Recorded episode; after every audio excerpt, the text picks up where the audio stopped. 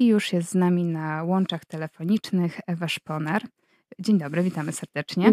Dzień dobry, bardzo dziękuję za zaproszenie. Ewa Szponar, absolwentka międzywydziałowych indywidualnych studiów humanistycznych na Uniwersytecie Jagiellońskim, doktor filmoznawstwa, adiunkt Warszawskiej Szkole Filmowej i dziennikarka. Publikuje na łamach filmu, ekranów, kina, portalu Onet i w innych magazynach. 14 września miała miejsce premiera Twojej książki Fabryka Splendoru Światowe Festiwale Filmowe. Proszę, zaczniemy od takiego może trochę najtrudniejszego pytania. Proszę pokrótce opowiedz nam, o czym jest Twoja książka Fabryka Splendoru. Właściwie tytuł odpowiada już trochę na Twoje pytanie, bo jest to książka poświęcona festiwalom filmowym i ja próbuję w niej dokonać takiej wiedzy y, ogólnej, takiej syntezy wiedzy na temat festiwali, plus omówić bardziej szczegółowo trzy festiwale.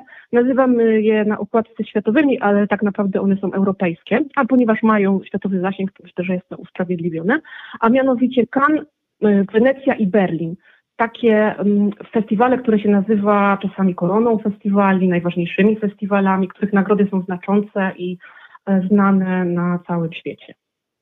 A skąd pomysł na taką książkę? Jak przebiegał Twój proces jej napisania? Właściwie to y, jakby zaczęło się wszystko od takiego e, towarzyskiego spotkania. Mam taką grupę znajomych, z którą się zawsze spotykam po festiwalach filmowych i opowiadam różne, e, różne historie i anegdoty. I podczas jednego z takich spotkań oni właśnie doszli do wniosku, że skoro tych historii zawsze się trochę nazbiera, to może warto byłoby to jakoś wykorzystać i, i napisać książkę. I ja e, to potraktowałam na, na zasadzie żartu i nie, nie byłam wcale przekonana, że wydawnictwo czarne, w którym się książka ukazała, podchwyci ten pomysł, ale się okazało, że e, podchwyciło, no i nie było wyjścia. Trzeba było, trzeba było napisać. Trochę mi w tym procesie pisania pomogła pandemia, bo przez to, że fizycznie wiele imprez było odwołanych, to trzeba było siedzieć w domu i ewentualnie oglądać filmy online, ale był jakby, była przestrzeń do pisania. Oczywiście wiadomo, jak to jest i taka przestrzeń nie zawsze jest e, wcale ułatwiająca, więc było, nie, nie, nie, trwało to krótko, było różnie, ale na szczęście się udało e, i e, jakby miałam okazję wcześniej bywać na festiwalach, a pisząc tę książkę z kolei miałam taką szansę, żeby się im przyjrzeć trochę z góry, trochę z boku, swoim doświadczeniom, ogólnym doświadczeniom i to był bardzo ciekawy proces. No proszę, czyli pandemia ma tutaj bardzo pozytywne skutki, bo możemy takie dzieło literackie właśnie teraz czytać, a znajomi zawsze widzę, że mogą popchnąć nas do przodu, więc bardzo, bardzo mm. słusznie. A... Tak, zdecydowanie warto mieć, warto mieć znajomych, którzy raz mają dobre pomysły, a dwa y, naciskają później na ich realizację. To prawda, czasami trzeba po prostu kogoś popchnąć do przodu. To, to się cieszę, że te swoi znajomi właśnie tak postąpili. Wspomniałaś właśnie, że tutaj mamy mm, trzy festiwale omówione w książce, a mm, daje się odczuć, że festiwal w Wenecji jest u ciebie taki najbliższy twojemu sercu. Powiedz dlaczego. Tak, y, nie ukrywam tego zupełnie. Festiwal wenecki jest moim ulubionym, to nawet ma wyraz w okładce książki, na której jest Sofia Loren z y, Pucharem Volpiego, E, czyli nagrodą aktorską przyznawaną na festiwalu w Wenecji, żeby być tak stuprocentowo poprawną, nie, e, e, nie jestem pewna, czy w tym momencie, kiedy ona dostawała tą, tą nagrodę, ona się tak nazywała, bo zmienne były dzieje nazwy tej mm. nagrody, ale mniejsza o to. Trzyma puchar, została nagrodzona w Wenecji, w moim ulubionym festiwalu. Festiwal, który się rozgrywa w bardzo przyjemnej scenerii. E, w Wenecji, co prawda nie w starej Wenecji, ale na osobnej wyspie, na Lido, ale rzut beretem od, od Placu Świętego Marka. Mm, to jest jakby pierwszy punkt, który przesądza o atrakcyjności tego festiwalu. Dwa, pogoda. Na przełomie sierpnia i września jeszcze bardzo rozkoszna i przyjemna, więc jakby dla samego tego warto ten festiwal odwiedzić. Poza tym mam wrażenie, że w, w Wenecji, zwłaszcza w porównaniu z Cannes, panuje taka lżejsza, trochę mniej formalna atmosfera. Wenecja jest festiwalem, na który każdy może e, przyjechać, bo są w sprzedaży bilety, w przeciwieństwie do Cannes, który jest festiwalem, e, który jest festiwalem branżowym i tam właściwie przyjeżdżają głównie ludzie, którzy się jakoś zawodowo zajmują filmem. Oczywiście widzowie, e, gapiowie, też tkan się zjawiają, ale nie mogą kupić biletów, mogą co najwyżej wystawać pod pałacem festiwalowym i liczyć na to, że ktoś im po prostu wręczy wejściówkę. To zresztą taki obrazek bardzo często w Kan spotykany, że ludzie od samego rana stoją w galowych strojach, bo w kan na pokazy wieczorne trzeba wejść ubranym na galowo, nie można tak po prostu w dżinsach i koszuli w trampkach z ulicy prosto, więc trzeba być przygotowanym. Stoją tak y, ci biedni, może wcale nie biedni, może bogaci, bo bogaci w wrażenia, y, i czatują na, na zaproszenia. Natomiast w Wenecji można kupić bilet, więc teoretycznie każdy może się na taki festiwal wybrać i to sprawia, że tam jest po prostu tak troszeczkę luźniej. Nadal jest oczywiście dużo pracy, nadal jest e, e, jakiś ścisły program do dnia, ale nie ma takiego stresu jak, jak w Cannes, jest taki bardzo formalnym, eleganckim festiwalem i może być trochę przerażający, jak się tam człowiek zjawia po raz pierwszy. Czyli jest taki bardziej przyjazny dla zwykłych śmiertelników. Tak, chociaż wszyscy to podkreślają, że takim wśród tej e, korony festiwali najważniejszych, królem albo królową, zdecydowanie jest Kan. Program taneński jest zazwyczaj najmocniejszy. To tam pokazują swoje filmy mistrzowie i mistrzynie, rzadziej mistrzynie, umówmy się, najczęściej mm -hmm. są to jednak mistrzowie kina. kina.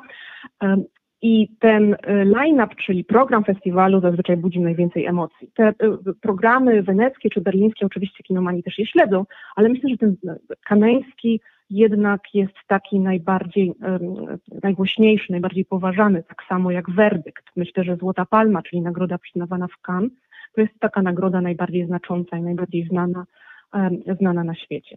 Więc jeśli chodzi o program, to pewnie Cannes byłby takim festiwalem, gdyby ktoś miał wybrać jeden z tych trzech. Natomiast jeśli chodzi o atmosferę, to zdecydowanie e, Wenecja, żeby nie pomijać Berlina i żeby nie, nie, nie wyszło, że to jest jakieś, e, jakieś e, miejsce mniej atrakcyjne. Berlin jest również cudowny i tam są filmy z kolei takie najbardziej zaangażowane. Tam można znaleźć też takie filmy najmniej komercyjne, eksperymenty, e, kino bardzo artystyczne, ale po prostu ten festiwal się e, rozgrywa w lutym, zimą i to jest duży minus, mm. bo się na nim po prostu marznie. W przeciwieństwie do Wenecji, która jest bardzo, bardzo przyjazna pod tym względem. No tak, a okoliczności przyrody i okoliczności pogodowe zdecydowanie sprzyjają podziwianiu kultury. To teraz tak pokrótce, bo rzeczywiście już sporo różnic wymieniłaś, ale tak pokrótce, tak mm, w dwóch słowach. Jakie będą największe różnice pomiędzy tymi festiwalami? One powstały w różnych momentach i z trochę różnych pobudek. Najstarszym festiwalem jest Wenecja, to jest w ogóle najstarszy e, e, działający do tej pory festiwal e, na świecie. Ponieważ Wenecja u progu swojej działalności miała taki niechlubny okres związany z dyktaturą Benito mhm. Mussoliniego i z takim propagandowym charakterem tego festiwalu, Cannes powstało w kontrze do Wenecji. Mm, jakby miało być takim, o ile Wenecja była taką e, e, tubą propagandową faszyzmu, o tyle Cannes miało być miejscem, gdzie się celebruje sztukę ruchomych obrazów, gdzie się celebruje wolność. Oczywiście to jest tak, że ta polityka była obecna też w Cannes, w Berlinie, w Berlinie wyjątkowo intensywnie, no bo to e, jedyny festiwal z tych trzech, które wymieniam, który się rozgrywa w stolicy europejskiego mocarstwa, więc trudno, żeby e, był wolny od, e, od polityki, mhm. ale rzeczywiście Wenecja się wydaje pod tym względem najbardziej naznaczona, więc jakby te okoliczności powstania to jest raz. Dwa, to będzie trochę hasłowo i trochę tak stereotypowo, ale myślę, że mogę sobie na to pozwolić. Jeśli pan byłoby takim miejscem, gdzie jest najwięcej znanych nazwisk, mhm. gdzie się tak jakby trochę tworzy kanon filmowy. Jak się popatrzy na listę Złotych Palm przyznawanych na tym festiwalu y, od samego początku po, po, po ostatnią edycję, to rzeczywiście to są takie nazwiska, które myślę, że mówią wiele każdemu kinomanowi, e, co nie jest wcale takie oczywiste na przykład w przypadku Berlina. Tam takie mniej e, znane filmy czy zjawiska się pojawiają, to nie znaczy, że mniej ciekawe, ale po prostu takie mniej przydostały się do, do historii kina, czy mniej odcisnęły na tej historii. Trochę podobnie w Wenecji. Wenecja byłaby luźniejsza i taka trochę, może wśród tych trzech festiwali najbardziej zagubiona, przez to, że konkurowała z, e, z Cannes, ma też dużego konkurenta w postaci festiwalu w Toronto, który się e, rozgrywa mniej więcej w tym samym czasie w mhm. Kanadzie, no i oczywiście tam bardzo dużo gwiazd chętnie przyjeżdża. Był taki okres, że nie przyjeżdżały do Wenecji, a przyjeżdżały do, do, do Kanady, co sprawiło, że ten festiwal trochę stracił na znaczeniu. No i jest Berlin, który jest właśnie tym festiwalem takim za, zaangażowanym społecznie, politycznie, z tą publicznością bardzo wymagającą, bardzo żywiołowo reagującą na to, co się w kinach dzieje, mm, jakby we wszystkich, na wszystkich tych imprezach celebruje się oczywiście kino, one, one się różnią e, trochę, ale oczywiście w jakimś tam e, swoim e, rdzeniu są do siebie bardzo podobne. Różnią się też sposobem celebracji. Jak wspomniałaś właśnie też przed chwilą i w książce też się to dość często przewija, że to właśnie głównie filmy komercyjne, zwłaszcza w Cannes, poprzez ściąganie gwiazd na czerwony dywan stanowią o sukcesie tego festiwalu. I jak myślisz, czy przez to takie obiektywne spojrzenie na sam film nie jest zaburzone? Na taką wartość dobrego kina? Czy właśnie może bez tego tytułowego splendoru w Twojej książce moglibyśmy bardziej docenić prawdziwą sztukę? Myślę sobie, że są to rzeczy nierozerwalnie związane.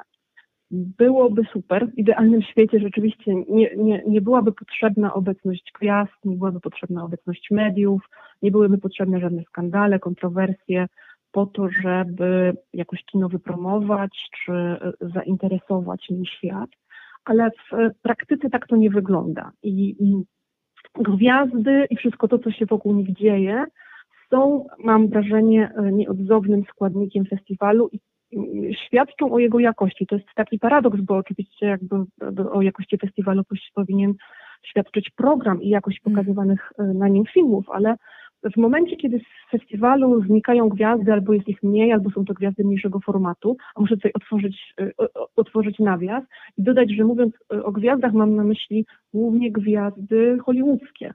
W Europie też są oczywiście gwiazdy i niektóre z nich są bardzo znane, ale nie ma się co oszukiwać. Pewnie w większości z nas słowo gwiazda kojarzy się z wielkimi nazwiskami za oceanu, a niekoniecznie z Europy czy z naszego polskiego, e, polskiego podwórka. I obecność właśnie tych nazwisk, tych osób sprawia, że na dane miejsce, na przykład E, kierują się oczy całego świata. I e, w historii Wenecji na przykład był taki okres, kiedy ona była dużo bardziej ascetyczna, kiedy nie było w ogóle konkursu, to było w latach 70., po takich zawirowaniach, po zawirowaniach e, mm, po 68 roku.